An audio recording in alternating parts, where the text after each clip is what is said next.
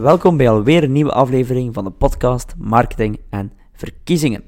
Deze keer gaat het niet echt om verkiezingen. Het gaat meer om marketing en meer bepaald over nudging. Een term die nu meer en meer in de media uh, komt en een term waar ik ook zeer vaak mee bezig ben. En binnenkort vertrek ik ook naar Harvard om daar nog wat bij, over bij te studeren.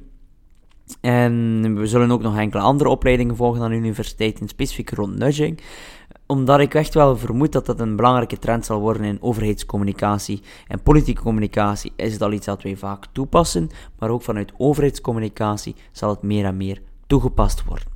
Wat is nu specifiek nudging? Heel kort, het gaat om de psychologie en de wetenschap van het overtuigen. Straks vertellen we daar nog meer over, maar ik raad jullie zeker aan om de podcast uit te luisteren en eventueel als jullie getriggerd zijn mee te contacteren of de website, onze website www.exposure.be even te bezoeken. Daar zal je binnenkort ook een e-book vinden met wat uh, meer informatie over nudging, met wat voorbeelden over nudging. Je vindt op mijn website trouwens ook mijn workshop over nudging terug. Daar vind je alle slides terug. Um, ik gebruik heel veel visuals, heel veel foto's. Je zal misschien niet altijd even goed begrijpen waarover het gaat, maar je ziet wel, uh, of je krijgt wel heel wel, wel voorbeelden, wat inspiratie. Dus als je interesse hebt, tik even in Google workshop nudging. Normaal sta ik op plaats 1. Dan vind je daar ook wel wat informatie. Maar uh, het is een podcast van 10 minuten, heel kort. Dus um, ja, ben je getriggerd? Contacteer mij zeker. Um, dat kan via reinoud.exposure.be. Heel veel inspiratie gewenst in deze podcast. Nudging heeft de afgelopen weken enkele keer in de krant gestaan, maar toch voor je het nog niet weet, Reinoud, wat is nudging? Nudging is uh, voor mij, want er zijn toch wel verschillende definities. Nudging is, of gaat eigenlijk voor mij over de wetenschap van het overtuigen.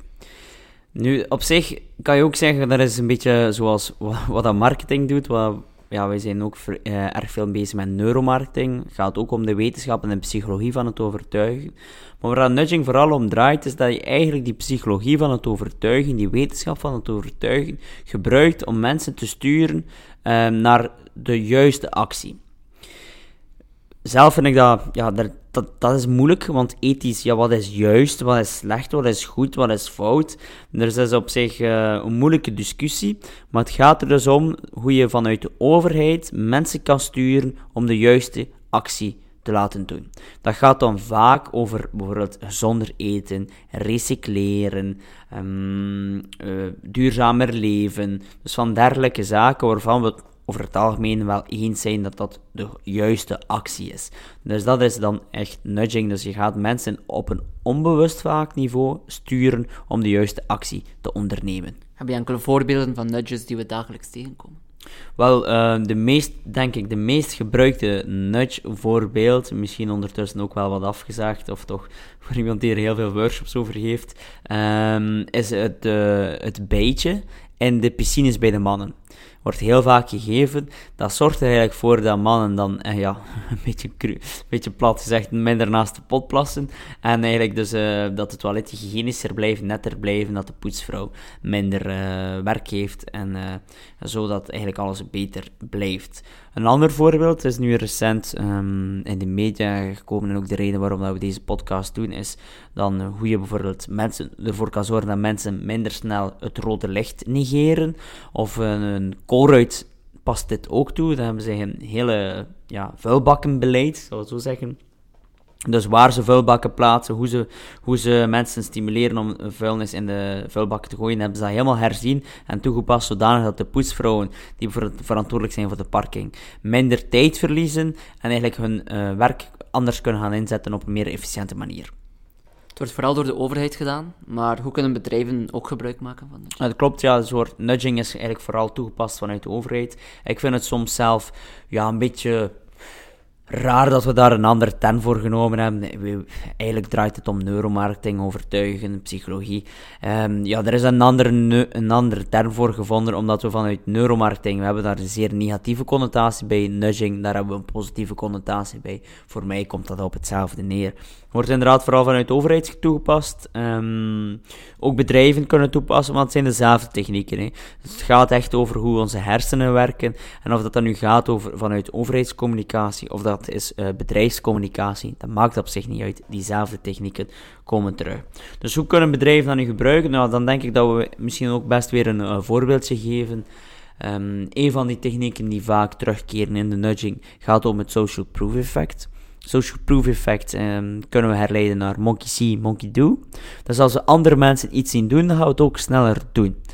Um, in de nudging kunnen we zeggen van kijk, als we kunnen aantonen dat 90% van de medewerkers uh, ook nog een fruitsalade na hun uh, lunch nemen, of tijdens hun lunch, ik weet niet uh, wanneer je dat dan best doet, en dan gaan mensen, die laatste 10%, dat ook sneller doen. Maar dat kan je dus ook toepassen in een bedrijfscontext, je zou kunnen zeggen, of in politieke context, is trouwens iets wat heel vaak toepassen, die techniek. In bedrijfscontext zou je kunnen een mail in een mailing versturen van kijk, deze maand hebben maar liefst 37 nieuwe klanten voor ons gekozen. Dan kan je er zelfs nog de namen van die klanten erbij zetten, als dat kan, als dat mag. Met hun logo's of eventueel een foto nemen, een selfie nemen als je contract hebt getekend.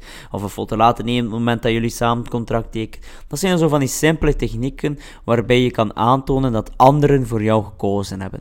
Er is trouwens ook iets dat heel vaak wordt toegepast op webshops en websites. Anderen bekeken ook best verkocht. Ik denk dat voor alle luisteraars dat wel zeer herkenbaar is. Dat zijn nudging technieken om ervoor te zorgen dat je die producten ook zal, uh, zou bekijken of zal bekijken. En dat je dus meer kans maakt om het ook effectief aan te kopen. Hey, als je dan meer aankoopt, uiteraard, het bedrijf heeft daar alle baat bij. Je vermaant uh, webshops. Nu heeft het internet ervoor gezorgd dat nudging nog meer aan belang is beginnen winnen?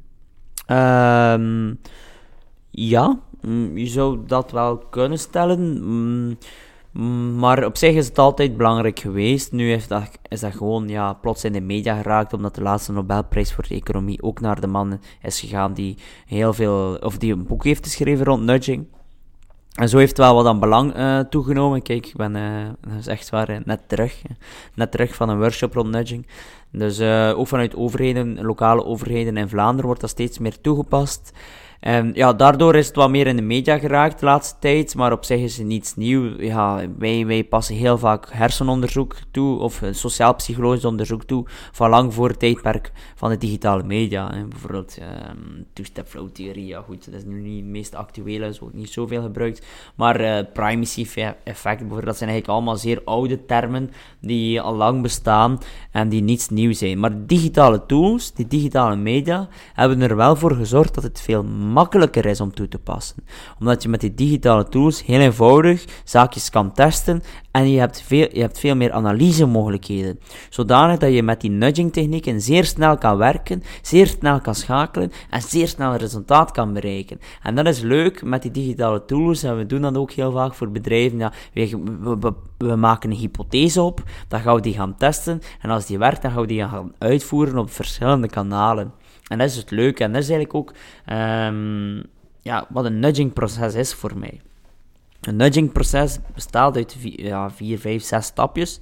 Um, de eerste stap is ja, de analyse. Wat is het probleem? Uh, hoe zit de situatie in elkaar? Een tweede stap gaat om ja, de hypothese bepalen. Kijk, we hebben nu een probleem. Wat zou een oplossing mogelijk kunnen zijn? Dan moet je dus wel wat psychologische achtergrond hebben. Dus je moet wel, wel, wel de nudging voorbeelden kennen, zodanig dat je die dan concreet kan maken. En dan komen we bij stap 3, het concreet maken, een concreet uh, nudge ontwerpen. Kijk, we kunnen dit doen, we gaan dat nu ontwerpen, hoe zullen we dat doen? Dan gaan we dat implementeren, dus stap 4. Stap 5 is het, het, uh, ja, het uh, analyseren van de resultaten. En stap 6 is dus het implementeren over de gehele communicatie. Ja, uiteindelijk draait nudging om het beïnvloeden van gedrag waarvan mensen eigenlijk niet, het niet willen uitvoeren. Is dat wel ethisch? Ja, ik vind dat een heel belangrijke discussie en dat meen ik uh, oprecht. En, en, een zeer moeilijke discussie ook. Want je hebt te maken met beïnvloeding. Het gaat hier heel duidelijk, vind ik, nudging, heel duidelijk, het gaat om beïnvloeding. Van zodra we het hebben over beïnvloeding, dan hebben we daar toch wel een slecht gevoel bij, wat een negatieve connotatie. Dus uh, ethisch, ja, er is een zeer grijze zone. Waar verschilt nudging, uh, of waar probeert nudging zich in te onderscheiden, is dat er eerst en vooral altijd keuzevrijheid moet zijn. Maar ja, je, weet wel dat je zo'n psychologische technieken gebruikt dat je hoogstwaarschijnlijk die keuze, dat hoogstwaarschijnlijk die keuze zal worden genomen. En nudging onderscheidt zich ook dat je steeds een moreel verantwoorde keuze stimuleert. Dat het gaat om positieve acties.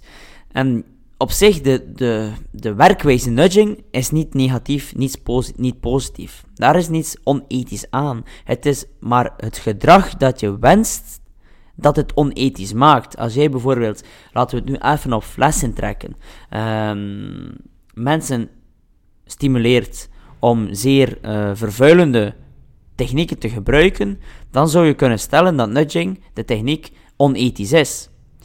Maar wat is er onethisch aan? Of wat is er, ja, wat, wat zeg je dan bij? Kijk, we gaan mensen stimuleren om zeer duurzaam te leven, zodat iedereen er voordeel bij heeft. Ja, iedereen, dat is ook weer uh, te, te nuanceren, maar dat de meeste mensen er voordeel bij hebben.